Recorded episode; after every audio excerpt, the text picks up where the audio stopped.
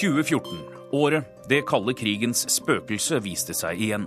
Året med stor K. Konflikt, kriger og katastrofer. Urix på lørdag tar et tilbakeblikk på året som har gått. God romjulsformiddag. Jeg heter Anders Tvegård. 2014 kort oppsummert.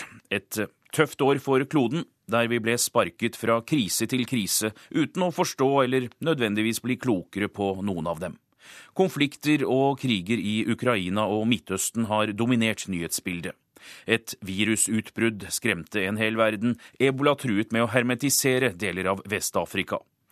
Nye terrorhandlinger fra velorganiserte og brutale IS, pakistanske Taliban, Boko Haram og en forstyrret einstøing i Sydney. 2014 var året et passasjerfly forsvant og utløste det største søket i luftfartens historie. Det var året Røde Khmer-ledere fikk sin straff, og nok en europeisk konge abdiserte. Men den neste timen skal vi ha et gjenhør med noe av NRKs utenriksproduksjon. Historier og fortellinger du ikke hører andre steder. Først årets revolusjon. Dette er prester som ber om at opposisjonen må lykkes i sine forsøk på å avsette russiskvennlige Viktor Janukovitsj. Det er januar, før grensene tegnes opp på nytt og en krig bryter ut med over 4000 drepte mennesker. Maidanplassen, eller uavhengighetsplassen her i Kiev, er blitt et ikon for den ukrainsk-etniske delen av dette landets befolkning, som ønsker et nytt styre i denne nasjonen med 40 millioner innbyggere, på størrelse med Frankrike. I to måneder har Maidanplassen nærmest sett ut som en slags eh, leir av eh, kjempende mennesker. Stemningen kan minne mye om det jeg så i Vilnius i januar 1991. Eh, den gang befolkningen i Litauen slåss mot sovjetmakten. Her på Grusjevskij-gaten står de mest militante forsvarerne av Maidan på den ene siden av enorme barrikader nederst i bakken, som går opp mot regjeringshovedkvarteret og parlamentet. Nå er skuffelsen enorm, talekorene sterke, fordi opposisjonslederne ikke oppnådde noe konkret torsdag i samtale med president Viktor Janukovitsj. Det var akkurat her ved inngangen til Lobonovskij stadion at fem demonstranter mistet livet denne uken. Lenger oppe i bakken står Berkut, opprørspolitiet med hjelmene, skjold, men uten skarpe skudd, påstår innenriksministeren. Vi spør den engelskspråklige arkitekten Anton hvordan stemningen er på denne siden av barrikadene når denne iskalde helgen i Kiev. Atmosphere inside barricades is uh, absolutely um, incredible. Uh, people uh, of different ages, different uh, social status, and different sex are gathered together. This is a meeting point, and they, they are all these different people have now the same aim. Det er seint fredagskveld, og jeg sitter på tog nummer 721 mellom Ukrainas to største byer, Kharkiv og Kiev. Toget er nesten fullt. Foran meg sitter en ung mor med sine to små barn, med bestemor som assistent når de små slår seg vrang. På den andre siden av gangen sitter en ung mann med hestehale og stor skinnveske. Kanskje han er en av mange ukrainere som jobber med data for et stort utenlandsfirma. Toget er helt nytt og går fort. De 550 kilometerne tilbakelegges på fire og en halv time. Nesten uhørt i et område av verden som ellers er beryktet for sine langsomme tog. Ute går solen ned over det endeløse ukrainske slettelandet. Over jorda som er blant de mest fruktbare i verden. Men det var sikkert ikke dette du lytter hadde ventet å høre om fra NRKs reporter i Ukraina akkurat nå. Konstantinovka er en av byene i Danetsk fylke som er frigjort, som det heter på den offisielle ukrainske terminologien. I det kraftige regnværet som raste gjennom byen da jeg var der, var det ikke vanskelig å se de store plakatene i gult og blått, det ukrainske flaggets farger, som fortalte at byen takker den ukrainske armeen for at den er frigjort. Lignende plakater er satt opp i nabobyene Slavjansk og Kramatorsk. Tydelig er dette en samordnet kampanje etter alt å dømme styrt utenfra.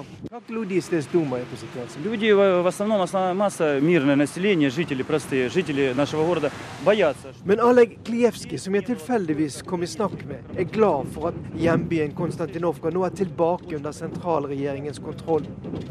Men han mener det aller, aller viktigste nå er at det blir fred i Donbas, som er en slags fellesbetegnelse for hele denne østlige og industritunge delen av Ukraina der separatistene nå i et halvt år med våpen i hånd har slåss mot sentralregjeringen i Kiev.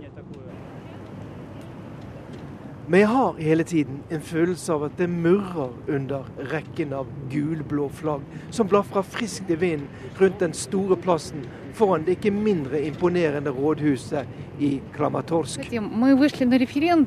Hvorfor kunne man ikke akseptere den folkeavstemningen som vi hadde her i mai om en selvstendig folkerepublikk Danetsk, sier Natasja. Det var vel ikke mindre demokratisk enn det som skjedde i Nikiv i februar, da man avsatte den lovlig valgte presidenten Viktor Janukovitsj, sier hun, som ikke vil gi etternavnet sitt. Hun snakker nok på vegne av mange, mens hun haster videre bortover en allé pyntet i gulblå farger. Men likevel, de fleste som bor i de frigjorte områdene, sier til oss at de er glad for at den krigen som pågår bare noen titalls kilometer lenger sør, ikke direkte angår dem. Anatolij Petrenko, som jeg treffer i den tidligere opprørshovedstaden Slavjansk, er ikke redd for å kalle det et skrekkvelde, det som var her, da den selvutnevnte ordføreren Vjatislav Ponomarov regjerte byen. I sentrum av Slavjansk er det ikke så mye som minner om kampene mellom opprørerne og regjeringsstyrken i vår. Men i utkanten av byen står søndagsskutte hus og bygninger på rekke og rad. Hvordan kunne det komme så langt at her hvor fotballentusiaster fra hele Europa for to år siden strømmet for å se kamper på den hypermoderne Donbas Arena, plutselig begynner å skyte på hverandre? Tog 721 begynner å nærme seg Kiev etter et kort stopp i en annen krigsskueplass, Poltava. Her var det i 1709 at den russiske tsar Peter den store beseiret Karl 12. og den svensk-ukrainske hæren, og dermed sikret det russiske imperiets kontroll over dette grenselandet i sørvest helt fram til 1991. Hva skjer med Ukraina og ukrainerne nå? Klarer de å stå imot presset fra Moskva og finne en balanse mellom øst og vest? Hendelsene de siste månedene har vist at ingen kan ane hva som blir utgangen på denne krisen. Morten Jentoft rapporterte fra togturen gjennom Ukraina, og Hans-Wilhelm Steinfeld før det. Unødvendig å si at konflikten fortsatt er betent og uløst. Gamle prinsipper og folkeretten har måttet vike for eldre doktriner. Russland har brukt militæret til å sette nye grenser, og har fått Vesten mot seg med økonomiske straffetiltak og politisk isolasjon. Det er også mange år siden sist Natos jagere skygget russiske bombefly i europeisk luftrom. Kortversjonen er to be continued.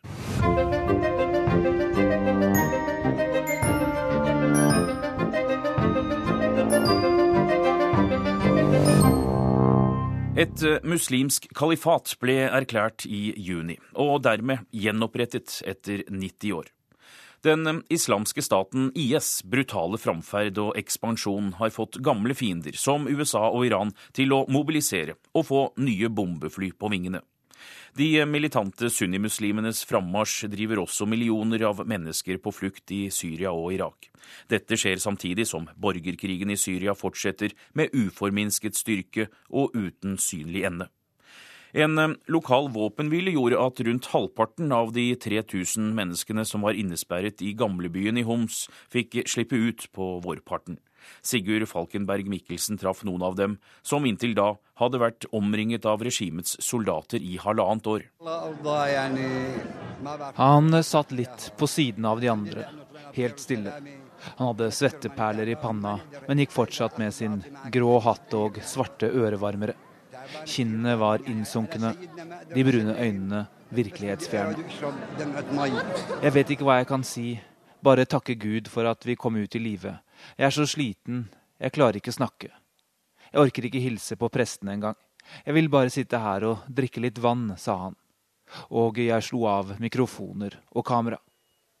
Litt senere fortalte han, med lav stemme, hvordan han overlevde på ett måltid om dagen, hvordan han sto opp om morgenen for å gå ut for å finne mat, f.eks. en frukt, hvordan han gjemte den unna av frykt for at noen skulle oppdage den og dermed stjele den, og hvordan han brukte det de kunne finne av planter til å lage suppe på.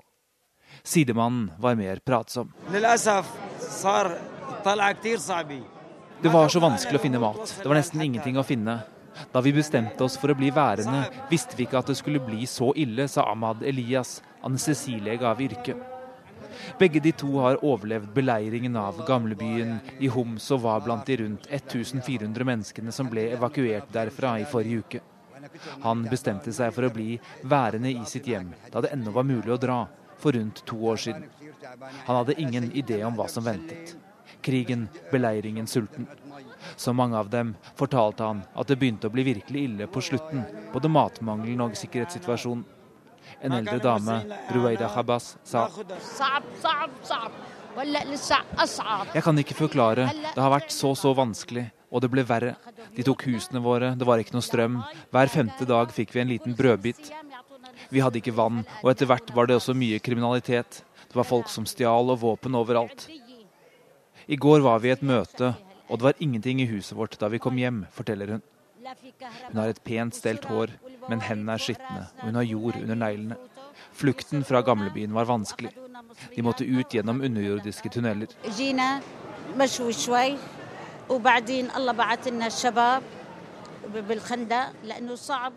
Heldigvis sendte Gud noen folk som hjalp oss gjennom disse tunnelene. Jeg ble båret gjennom dem, den ene tunnelen verre enn den andre. Og så ble vi sittende og vente på bussene som fraktet oss hit til mottakssenteret, sier hun, og forteller at nå begynner et nytt liv for henne. Et liv utenfor beleiringen. To små fyrstikkmennesker henger i to galger. To litt større ligger på bakken med blod som renner ut av halsen. Et fyrstikkmenneske med smilefjes jager et annet menneske med øks. Streker i sort og rødt på hvitt papir. Ni år gamle Mohammed kom til flyktningleiren Bar Elias i Libanon for to måneder siden. Da ville han ikke snakke, men han tegnet.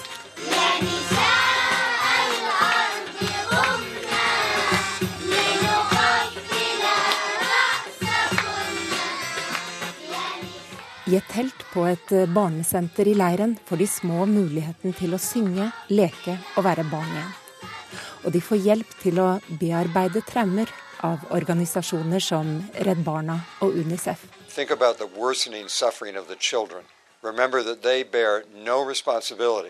Barna har ingen skyld, de er kun ofre, sier Unicefs leder Tony Lake. Over 10 000 barn har mistet livet i konflikten. Over to millioner syriske barn er på flukt i eget land, mens over én million barn har flyktet til nabolandene.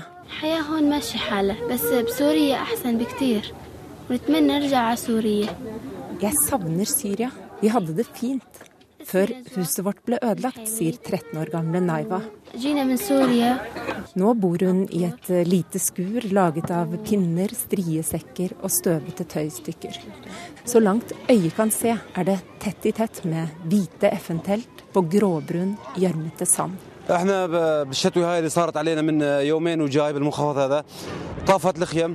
Teltet vårt er fylt med vann. Det er ikke noe ordentlig kloakk og avløp her. Og med de tunge regnskurene i det siste er de fleste teltene oversvømt, sier Mohammed Hussein.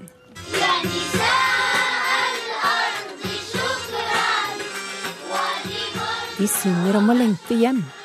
De drømmer om å vende tilbake.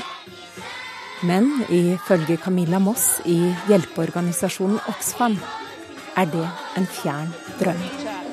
Survey we conducted showed that 65% of the refugees in Jordan who we spoke to fear they'll never see their country again. To av tre flyktninger frykter at de aldri får se hjemlandet igjen. Nina Bull Jørgensen hadde besøkt flyktningleiren i Libanon. I 50 sommerdager var det nok en krig mellom Israel og palestinerne i Gaza. Over 2200 mennesker ble drept, blant dem fem sivile israelere og 66 soldater. Ruinene i Gaza vitner om enorm ødeleggelse og lidelse. Kollega Sissel Wold møtte en av innbyggerne i Gaza som reiste fra USA for å bygge det nye Palestina. Den jobben ser fortsatt vanskelig ut. Jeg ser det er et hvitt kors som flyr opp i lufta der. Rett opp. Ser du den? Vi har fått øye på en drone, og vil at også NRKs fotograf skal se den. Vi sitter i en av Gazas bys mest fornemme strøk, i en vakker hage med skyggefulle trær. Eple-, sitrus- og oliventrær. Vaktmesteren holder høner i et bur. Men over oss dette lille hvite korset i himmelen som høres ut som en liten påhengsmotor. Leter denne dronen etter nye drapsmål, eller er den bare ute for å rekognosere? For å finne ut hvilke hus som skal tas ut ved neste angrep. You try to make the slightest contribution to, to make things better. To do this is getting a lot more difficult. Sami Abdel Shafi hører til Gazas knøttlille overklasse. Abdel Shafi-familien har alltid spilt en fremtredende rolle i Gazas samfunnsliv og politikk. Sami begynte som forretningsrådgiver for bedrifter som skulle vokse i de optimistiske Oslo-årene. Men nå er næringslivet i Gaza helt dødt. Israels blokade hindrer fabrikker i å importere råvarer, og forretningsfolk i å eksportere sine produkter til Vestbredden. Under krigen i 2009 la den israelske hæren det meste av næringslivet i grus, og bombet også sementfabrikkene. Ettersom israelerne forbød innførsel av sement etterpå, ja, så var det ikke lett å bygge så mye opp igjen. Well, there aren't businesses anymore to give advice to, so I changed into political and economic consulting. The business cycle in Gaza is, is totally dead. Abdel Shafi bor i et stort, luksuriøst hus til Gaza å være. Hans liv står i sterk kontrast til livet i de trange flyktningleirene. Han kunne ha reist tilbake til USA, men har valgt å bli i Gaza. En liten klaustrofobisk kyststripe bak høye murer, der alt bare blir verre år for år. Som politisk analytiker har Sami Abdel Shafi følgende å si. This is a repetition of two earlier wars, and the root cause is the same. It is the political problems that, uh, that Uh, Abdel Shafi, som jeg har kjent i sju-åtte år, og ofte intervjuet om politikkens skjeve gang her, snakker saktere enn vanlig i dag. Men så har han ikke sovet på tre netter, sier han, pga. alle angrepene som holder ham våken i mørket. De siste ti årene har to generasjoner israelere og palestinere vokst opp som aldri har truffet hverandre over muren rundt Gaza. Det eneste de vet om hverandre, er at den andre angriper. With, with, with, at Hamas og Islamsk jihad skyter raketter, er Sami Abdel Shafi helt imot. I am simply against the launching of rockets, period, because I'm against violence. Men du må se på grunnen til hvorfor noen blir så desperate at de skyter raketter, sier han. It is out of the sheer desperation uh, that, that people are driven into. There's a great sense of hopelessness in Gaza. Gaza was pushed way too far, and all of the Palestinians have been presented with a set of impossible conditions that they cannot deal with. And this creates a lot of uh, animosity, if you will, and frustration in the minds of ordinary people who are essentially civilized and educated and peaceful. Det børstes støv av gamle fredsinitiativ, men til tross for løfter om milliarder av internasjonale kroner til gjenoppbygging, er den politiske situasjonen ved utgangen av 2014 fortsatt fastlåst.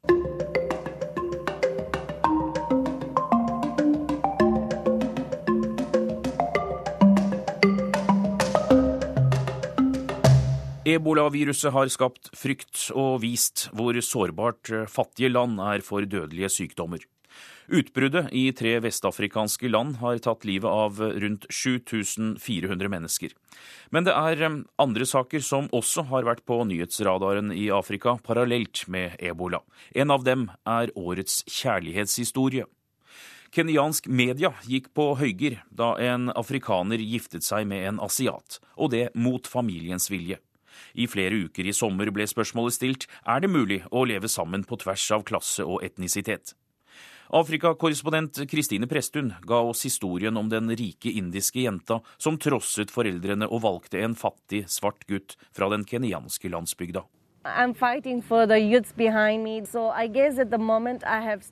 Jeg kjemper for de unge som kommer etter meg, for å gi dem mot til å gifte seg med hvem de vil, uansett bakgrunn. 24 år gamle Sarika Patel ser meg rett i øynene, engasjert. We cannot compare money and love. Neither can we compare colors. Sarika og Timothy jobber sammen på den lille flekken der de dyrker grønnsaker. For Sarika er kontrasten stor. Hun er vant til å bo i villa med egen husholderske. Her må hun grave i jorda selv og bo i en leirhytte med blikktak på seks kvadratmeter uten verken strøm eller vann. Okay, it's a bit difficult, but because I've chosen it for myself, it's great living here. Fuglesangen skulle egentlig vært overdøvet av feststemte mennesker i landsbyen i dag. Her skulle det vært feiret bryllup, men det måtte avlyses i siste liten da Sarika fikk høre at faren hennes har levert inn en protest til myndighetene.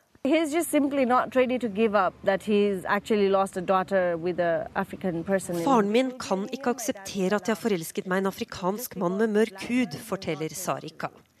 De kenyanske inderne har vært kjent for å holde døtrene sine for seg selv, helt siden de kom til landet på slutten av 1800-tallet for å hjelpe de britiske koloniherrene med å bygge jernbane. Men de er ikke alene om å tenke slik.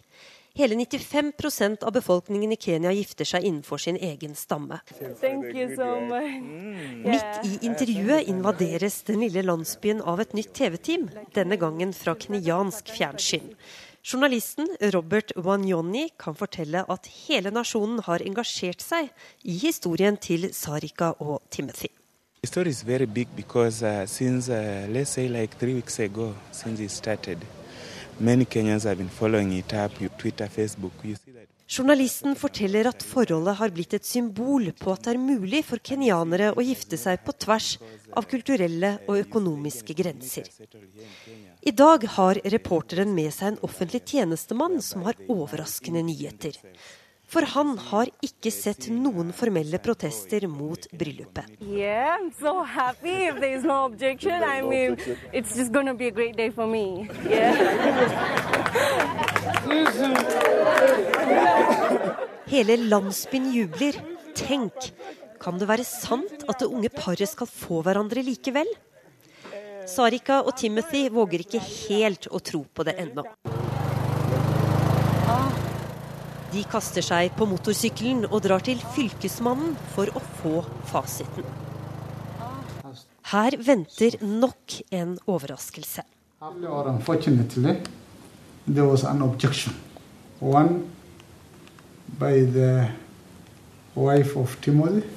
Was she here? Fylkesmannen viser til et brev fra en tidligere samboer av Timothy. Hun viser til en lov som gir alle som har bodd sammen i et halvt år, legal status som ektefolk. I tillegg har også faren til Sarika levert inn en protest. Fylkesmannen gir paret 91 dager på å løse flokene. Og vel hjemme igjen i landsbyen er Timothy klar på at han aldri vil gi opp drømmen om å gifte seg med Sarika. Kwangu Sarika ni kama yani ni kama ni, ni. For meg er Sarika det beste som har skjedd i mitt liv, sier Timothy. Bryllup ble det til slutt, men eh, paret når fortsatt overskriftene i Kenya. Sist forrige måned, da Sarika angivelig ble bortført av familien da hun oppsøkte legebehandling. Neste stikkord er utdanning. Pakistansk Taliban massakrerte 141 skolebarn og lærere, og den ekstreme gruppa sier den vil fortsette å angripe skoler. 2014 er året med det verste terrorangrepet i Pakistans historie. Også i Nigeria truer islamistiske terrorister skolebarn. Boko Haram, som løst oversatt betyr vestlig utdannelse er synd, har bortført flere hundre skolejenter i sin kamp mot myndighetene. Barns kamp for retten til utdanning ble belønnet med Nobels fredspris tidligere denne måneden. Kortere tid etter kunngjøringen i høst la Asia-korrespondent Peter Svaar ut på en reise til landsbygda i India for å finne den minst kjente av fredsprisvinnerne Malala Yousafzai og Kailash Satyarthi. På svingete veier i baksetet på en gammel indisk firehjulstrekker. Vi er på vei til Balashram, et senter for frigitte barneslaver 15 mil fra delstatshovedstaden Jaipur. Gutten i forsetet, Sunil Kumar, var en av dem.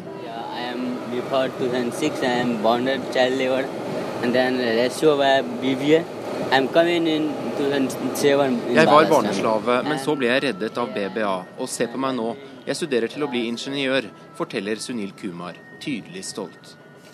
Vi rekker fram akkurat i tide.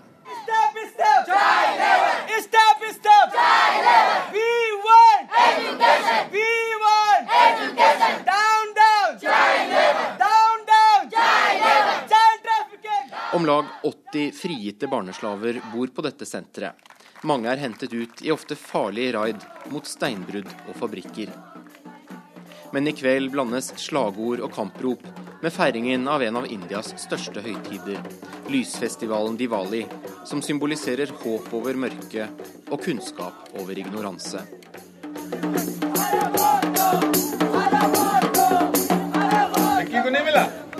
ये पुरस्कार किस किस को मिला I am asking that who has won this Nobel prize it's just me और who else so they are raising hands so who has got this Nobel prize जोर से करो Hvem av dere har vunnet nobelprisen, spør Kailash Satyarthi, og får 80 par barnehender i luften til svar. Aktivisten og barnerettighetsforkjemperen mener prisen er en anerkjennelse av alle som jobber mot barnearbeid og slaveri i verden, og sier det nå er barna som skal bestemme hva prispengene skal brukes til. They will definitely bring the purest and clear direction.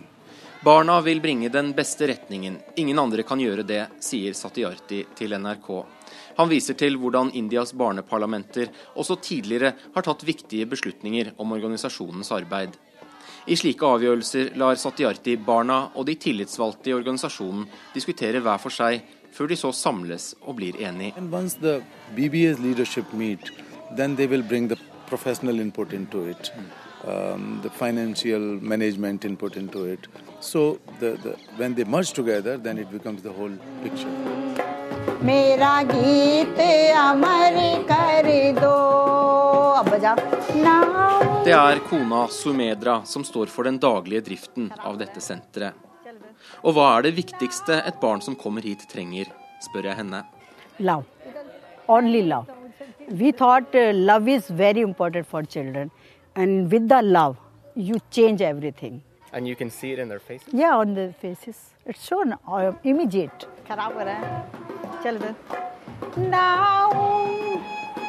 En av musikkstudentene hennes i dag er 13 år gamle Jamal. Det er ikke hans ekte navn, men de yngste barna får vi ikke identifisere. Ni år gammel ble han solgt til en tekstilfabrikk i Delhi.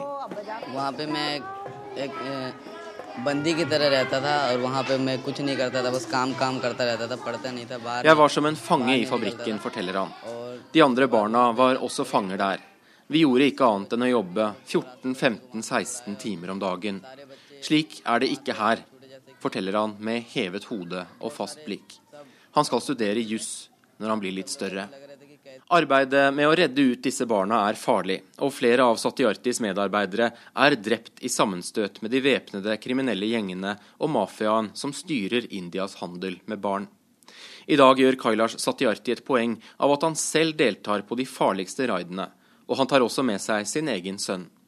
Blir du noen gang redd, vil jeg vite. Not really. I was never scared for that. And I always feel uh, I'm not a, a conventional religious person, but I'm driven by the deepest virtues and values of spirituality. Økonomi nå. Krisa i eurosonen, som vi trodde ble gravlagt i 2013, har meldt seg igjen. Ikke lenger i form av en gjeldskrise der land ikke klarer å gjøre opp for seg, men heller som en stagnasjon i økonomien.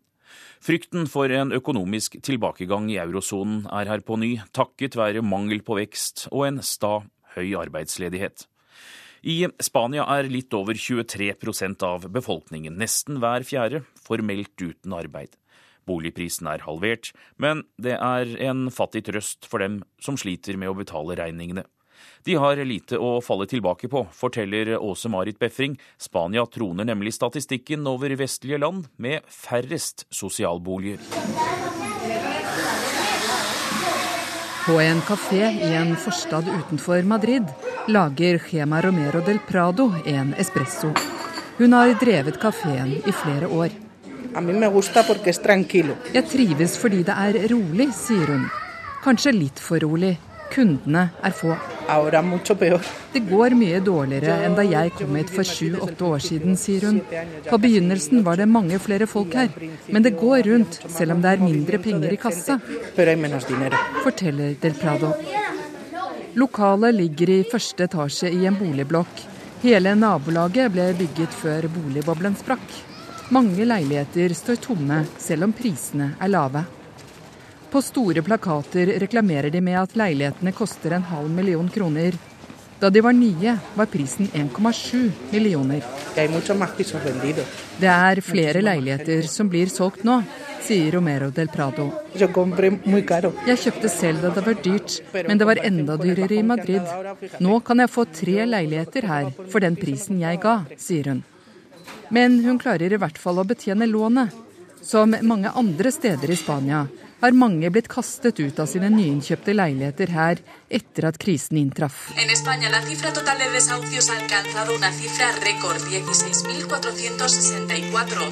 Lenge nådde det overskriftene.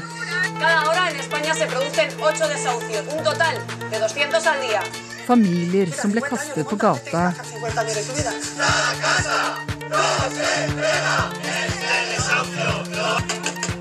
Og demonstranter som forsøkte å hindre politiet i å gjøre det.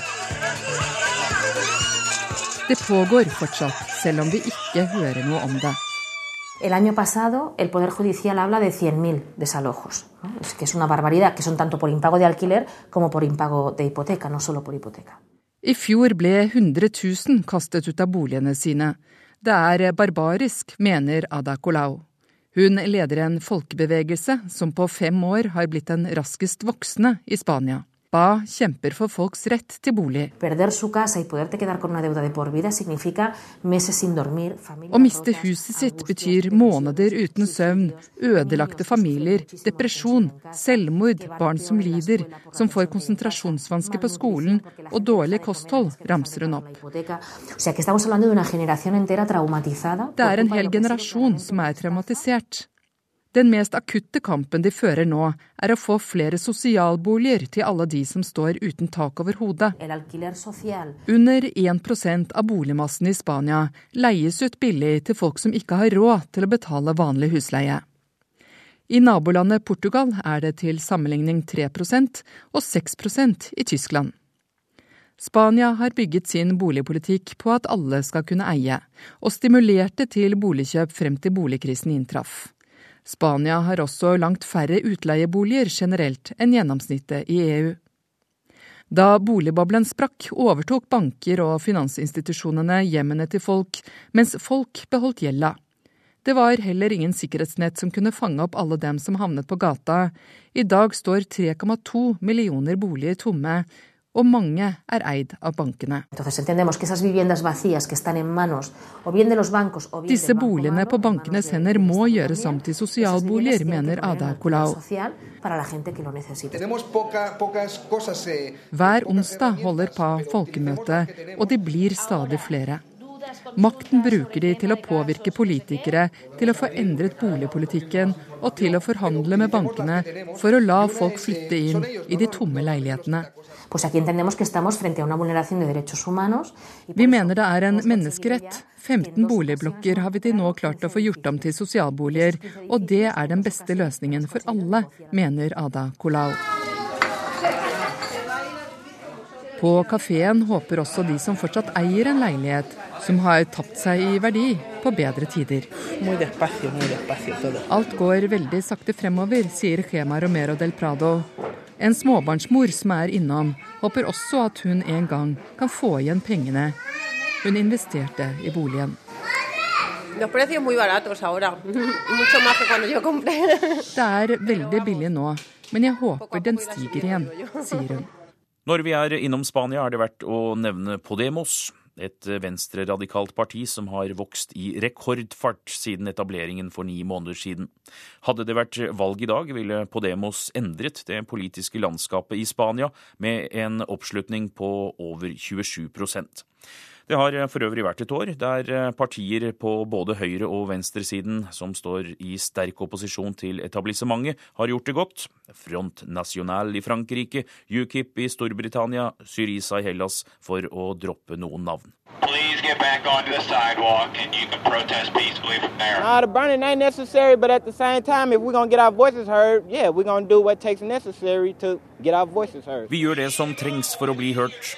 Skille mellom svart og hvit, anklager om rasisme, generell mistro og en klassekrig kom igjen til overflaten i USA dette året. Det startet i Ferguson, en liten forstad i Missouri, da en uvæpnet svart tenåring ble skutt og drept av en hvit politimann. Protestene og frustrasjonen spredte seg til flere amerikanske byer da politimannen slapp tiltale. USAs president han har gjentatte ganger lovt at det skal bli mindre forskjeller mellom fattig og rik. Det var også et av hovedpoengene hans i talen om rikets tilstand for elleve måneder siden. Rundt de tider så sendte vi Gro Holm til New Orleans. Der traff hun Bill, i byen med kvartaler der forventet levealder varierer med 25 år. Mm -hmm. Vil ha bare delvis tenner og han er bare litt på en snurr ved lunsjtider.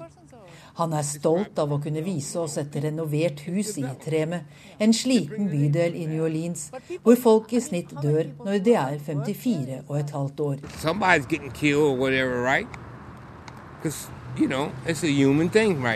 Vel, eh, noen blir jo drept, men det er en menneskelig ting nå for tiden, mener Will.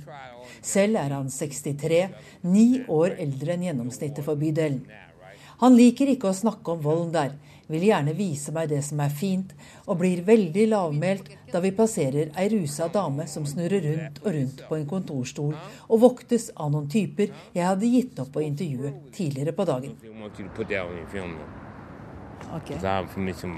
Vil advare meg mot å ta bilder. De folka er ikke til å spøke med, vet ikke hva de gjør. De fleste vi treffer, nekter å snakke med norsk TV og radio. De er rusa, redde eller mener bare det er bortkastet tid. Vil du ha kaffe, spør pastor Patrick Keane, der vi sitter i hans nedslitte kirkelokale i en av de andre fattige afroamerikanske bydelene. Pastor Keane er primusmotor i prosjektet Place Matters, eller Sted spiller rolle. Uh, employment is a problem, housing is a problem, education is a problem, Jobb, bolig, utdannelse, helse. Det er problemer med alle disse ressursene i bydelene hvor afroamerikanerne bor. De utgjør 60% av befolkningen, men halvparten av dem er uten jobb, forteller Keane. Vi blir ikke kvitt misbruket og volden om vi ikke gjør noe med de bydelene der det ikke finnes muligheter, mener han. Her baby passed Pastoren tar oss med for å møte tre generasjoner kvinner i familien Jones. Familiens overhode, Peggy på 60, presenterer meg for to døtre og én datterdatter. Men mange er borte for alltid. De er blitt en del av byens statistikk over unge døde. I lost two grandsons Christmas Day of 2007. James and Wendell. A guy come around the corner and opened fire. Jeg mistet to barnebarn, to gutter, på juledagen i 2007. En mann kom rundt hjørnet, åpnet ild, og to uskyldige tenåringer ble drept, forteller Peggy. I 2013 dør så først min eldste datterdatter av lungebetennelse. Hun var 24. Så like over jul dør oldebarnet på tre år, også av lungebetennelse.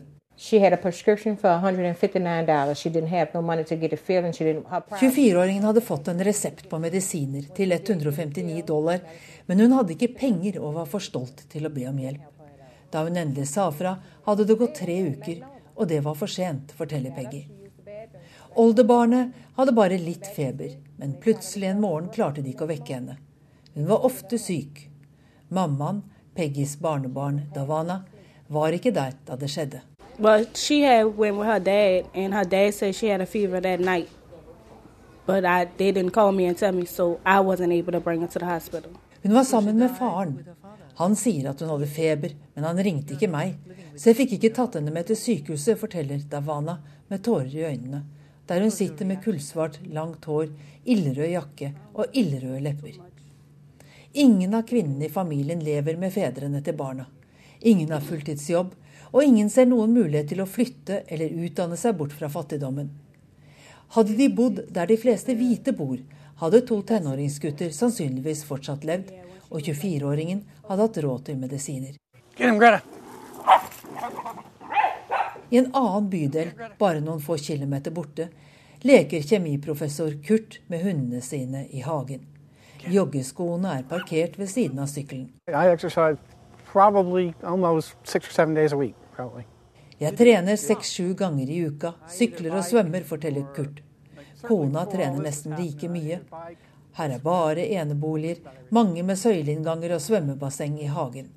Barna går på gode privatskoler og kjøres til idrett på ettermiddagen.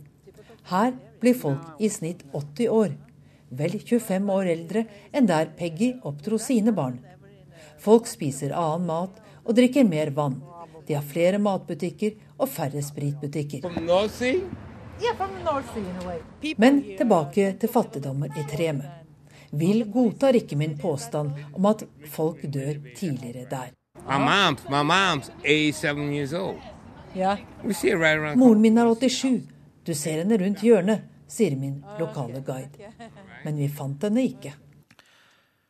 I sommer ble flere av dere styrt etter hva som skjedde på forskjellige idrettsarenaer i Brasil.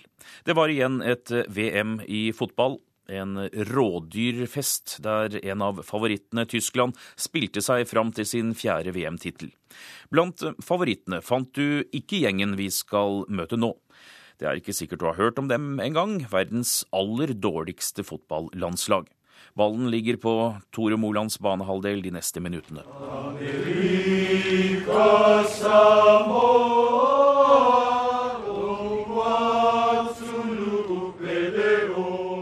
Om du ikke kjenner igjen denne sangen, er du tilgitt. Det er nasjonalsangen til amerikansk Samoa. Og om du ikke har hørt om amerikansk Samoa heller, så er det noen ganske få, ganske sjølstyrte øyer langt sør i Stillehavet et sted. Sangstemmene tilhører spillerne på fotballandslaget til amerikansk Samoa. De har i mange år vært kjent som verdens dårligste herrelandslag i fotball. Ikke er de bare herrer heller, forresten.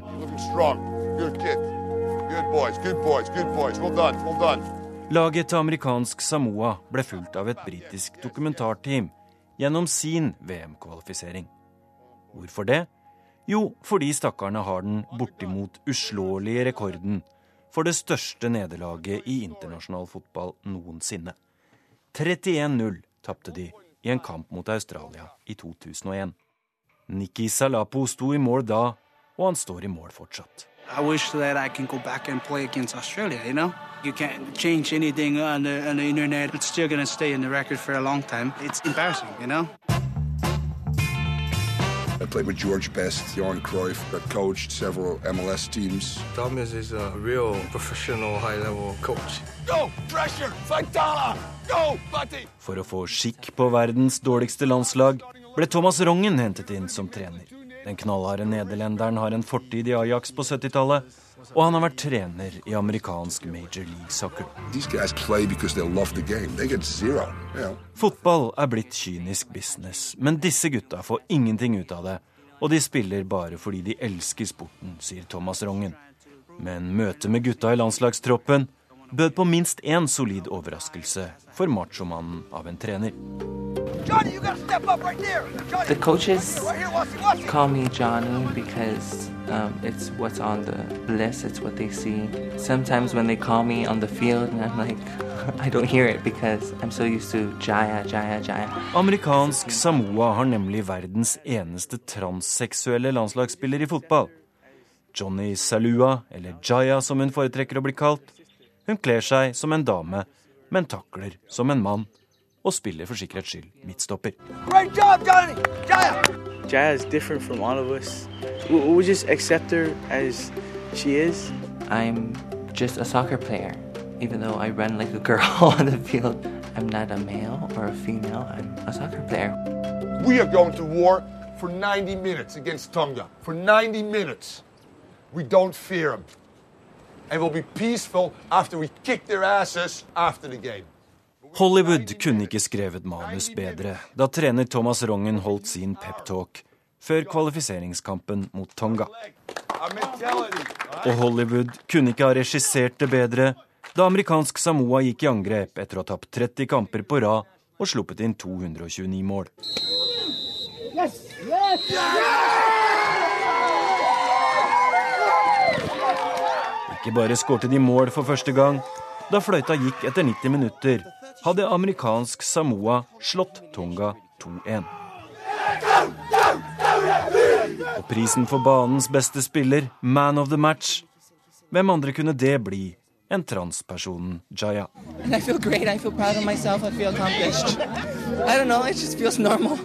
Alle elsker vi historien der en taper snur nederlag til seier mot alle odds. I dette verdensmesterskapet er det trolig ingen større taper eller større seierherre enn nettopp amerikansk Samoa. Så langt i Urix på lørdag har det vært et gjenhør med radiohistorier fra det siste året.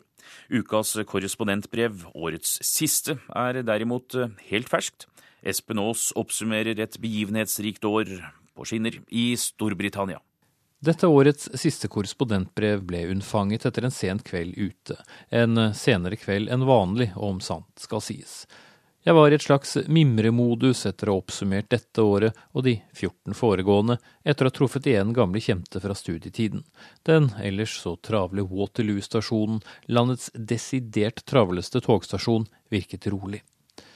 Ved forrige opptelling hadde stasjonen 94 millioner reisende på et år. Mang en gang har det føltes som om flesteparten er her samtidig når rush hour når sitt høydepunkt. De bevæpnede politifolkene som til vanlig traver rundt med sine MP5 maskinpistoler og minner oss om den økte terrorfaren vi lever under hver dag, var borte. Kun et par stykker fra transportpolitiet gikk med hendene på ryggen og så til dem som kom snublende gjennom den nesten tomme hallen for å rekke siste toget hjem og jeg tenkte på hvor mange ganger jeg hadde løpt gjennom denne hallen for å rekke en bane eller et tog i løpet av dette nyhetsåret som hadde startet med en Molde-trener som skulle ta over Cardiff allerede første nyttårsdag, og derfra dukket opp nyhetssaker som snodde seg i nesten alle retninger. Bak meg hadde jeg tolv tidvis intense måneder, foran meg en drøyt 16 minutters togtur hjem. Tre stopp, så skal jeg av. Det var som vanlig en lett sammenristet gjeng som satt fordelt rundt i togkupeen, de fleste med ansiktet ned i mobiltelefon mens velkjente bygg for forbi utenfor i desembermørket. Idet jeg skimtet litt av Westminster på andre siden av elven, la jeg merke til en fyr, kanskje ti år yngre enn meg, noen seter bortenfor. Han hadde en dyr dress og matchende dyr frakk utenpå, og med stivt blikk trykket han rundt på mobiltelefonen sin. Som en slags eh, sidegeskjeft angrep han mekanisk en hamburger mens dressing dryppet ned på klærne. Ut fra klærne og skoene å dømme en av finansgutta fra City, og i så fall råd til å få renset klærne dagen derpå. For i London City er finanskrisen for lengst glemt. En oversikt fortalte nylig at i snitt blir det utbetalt bonuser på 125 000 pund i år. Med dagens pundkurs snakker vi om 1,4 millioner kroner i snitt, altså. Kvinnen som satt overfor ham på den andre siden av midtgangen, var kanskje sykepleier, i alle fall så klokken hun fiklet med ut som et sykepleierur fra der jeg satt. Kanskje kom hun fra vakt på det berømte St. Thomas Hospital, som ligger en kort gåtur unna, hvor Florence Nightingale en gang grunnla sykepleierutdanningen. Mye har skjedd på de 150 årene. I det offentlige helsevesenet er ikke finanskrisen glemt, de har gått ned i lønn der. De var lovet en lønnsøkning på 1% men det viste seg å bli for dyrt. For å få budsjettene i balanse er offentlige utgifter, trygder og sosiale ordninger skåret i. Det har mange merket her i Europas raskest voksende økonomi. Det har eh, gått fire minutter siden vi kjørte ut, og vi er fremme ved Vauxhall stasjon, noen kilometer lenger vest langs Themsens søndre bredd. Et av de nærmeste landemerkene er det enorme og ikke så altfor hemmelige hovedkvarteret til de hemmelige tjenestene MI6. Et eh, bygg mange nok vil gjenkjenne fra nyere James Bond-filmer. Men i år, i dette terroråret hvor trusselnivået igjen er hevet, er det mest en påminnelse om en kamp som foregår i det skjulte, en kamp mot de usynlige islamistiske terroristene. Mens de som har utropt seg til den såkalt islamske staten, har filmet henrettelser av briter, har de hemmelige tjenestene, utenlands og innenlands, sporet opp potensielle terrorister, og ifølge seg selv avverget flere mulige terrorangrep. Bare så langt i desember har det vært ti ulike antiterroraksjoner her i London, med påfølgende arrestasjoner. Faren for et terrorangrep på britisk jord er svært sannsynlig, er det slått fast for lenge siden. Langt hyggeligere er det da å hente opp navnet på stasjonen og området, Vauxhall, som kanskje mange vil assosiere med Opel i nyere tid. Lenge før ordet personbil fantes, ble nemlig Vauxhall-konsernet grunnlagt her. Det skjedde for over 150 år siden av den skotske ingeniøren Alexander Wilson. Og det skotske opphavet til gründeren er poenget, for skotsk og britisk historie var nær ved å få et helt nytt kapittel i år, den 18. september, da Skottland kunne fått selvstendighet fra Storbritannia. Men flertallet på 55 ville det annerledes. Sjelden har jeg opplevd så mye følelser i sving de paniske siste ukene hvor mer eller mindre alt handlet om uavhengighetsspørsmålet. Skuffelsen var enorm i Glasgow, hvor de var lei av å bli styrt fra London. Lettelsen var stor i oljebyen Aberdeen, hvor det var frykt for hvordan oljegigantene ville reagere på en ny skotsk nasjon. Men skotske gründere og vanlige skotter forblir briter, selv om en mengde debatter om økt selvstyre nå går for fullt i mange hjørner av øyriket. Hvordan maktfordelingen mellom regjeringen i London og flere britiske regioner blir, er høyst uklart ennå. Mens toget farer sørvestover gjennom Londons mørke, hvor jeg skimter den enorme nedlagte Battersea Power Station, er vi etter fem minutter på en annen av Storbritannias, og Europas for den sakens skyld, travleste togstasjoner, Clapham Junction. Et eh, enormt knutepunkt hvor mer enn 100 tog i timen ruller innom, og det er utenom rushtiden. Her skifter jeg ofte tog, enten jeg skal til Gatwick-flyplassen, ut til kysten eller til Thamesdalen utenfor London, hvor du finner idylliske steder som Windsor og Eton. Men i februar i år var det til tider bare å la tog være tog, og i stedet ta bilen. Det verste regnskyllet på over 100 år førte til oversvømmelser i stort monn, kombinert med en mengde vinterstormer, og det påvirket mye trafikk. Themsen flommet over, helt inn til Londons yttergrenser. De enorme flomportene øst for byen var i hyppig bruk, og jeg møtte tapre engelskmenn som reddet det de kunne fra sine oversvømmede førsteetasjer, flyttet opp i andre etasje, rodde med båt til butikken fylte sandsekker for å holde flomvannet unna. Til tross for alt dette tok de aller fleste jeg møtte det hele med stoisk ro på beste engelske vis. Noen beklaget til og med hvordan det så ut inne da vi kom på reportasjebesøk. Uværet begynte rundt julen for ett år siden og fortsatte ut februar. Da begynte vannet sakte, men sikkert å trekke seg tilbake. Tørt ble det ikke før vi nærmet oss sommeren, men den kalde vinteren ble omsider bare et grøssent minne. På mitt uh, nest siste stopp, og det roligste stedet på turen, kommer det to håndverkere om bord. Vi har stoppet i Earlsfield, som inntil 1884 var et stort viktoriansk gods, men som ble solgt og gjort om til jernbanestasjon under forutsetning av at Ølsfield-navnet skulle beholdes. Det er et eh, lite tettsted med mange nyetablerte familier, de som ennå har råd til å bosette seg i denne byen med dens galopperende boligpriser, godt hjulpet av rike russere og kinesere som skal ha plassert pengene sine i eiendom. De to håndverkerne mumler til hverandre på et østeuropeisk-klingende språk som iallfall ikke jeg klarer å plassere helt og om de er klar over det selv eller ikke, østeuropeiske innvandrere har vært en nesten sammenhengende debatt her gjennom hele året. Avisforsider har fortalt oss om hvordan landet oversvømmes av immigranter fra de nye EU-landene i øst. Statsminister og andre ministre har advart om velferdsturister, og at velferdsstaten, slik britene kjenner den, er truet. Det hele har munnet ut i en debatt om videre medlemskap i EU, som har ført til politisk jordskjelv. Et parti som det britiske uavhengighetspartiet UKIP, hvis fremste sak er å få landet ut av EU, som til nå har blitt sett på som et protestparti, ble plutselig valgvinneren ved EU-valget i mai. Partiet, som aldri har hatt en folkevalgt i parlamentet, fikk plutselig to i løpet av et par dramatiske omvalg i høst. Konsekvensen er nå at knapt noe parti tør la være å ta opp både EU og innvandringsspørsmålet i valgkampen frem mot mai neste år. Snakker du for mye til fordel for innvandring og EU, koster det velgere. Mange velgere. Britene vil bestemme over seg selv igjen, og vil ha seg frabedt alskens direktiver fra Brussel. En meningsmåling i forrige uke viste at 51% av britene vil forlate EU dersom det var avstemning i dag. Statsminister David Cameron har lovet en avstemning i 2017 hvis han blir gjenvalgt. Det nevner han ofte. Fire minutter senere dukker konturen av Wimbledon stasjon opp og kjøpesenteret som har fått navnet Center Court fra det kjente tennisanlegget rett ved der jeg bor.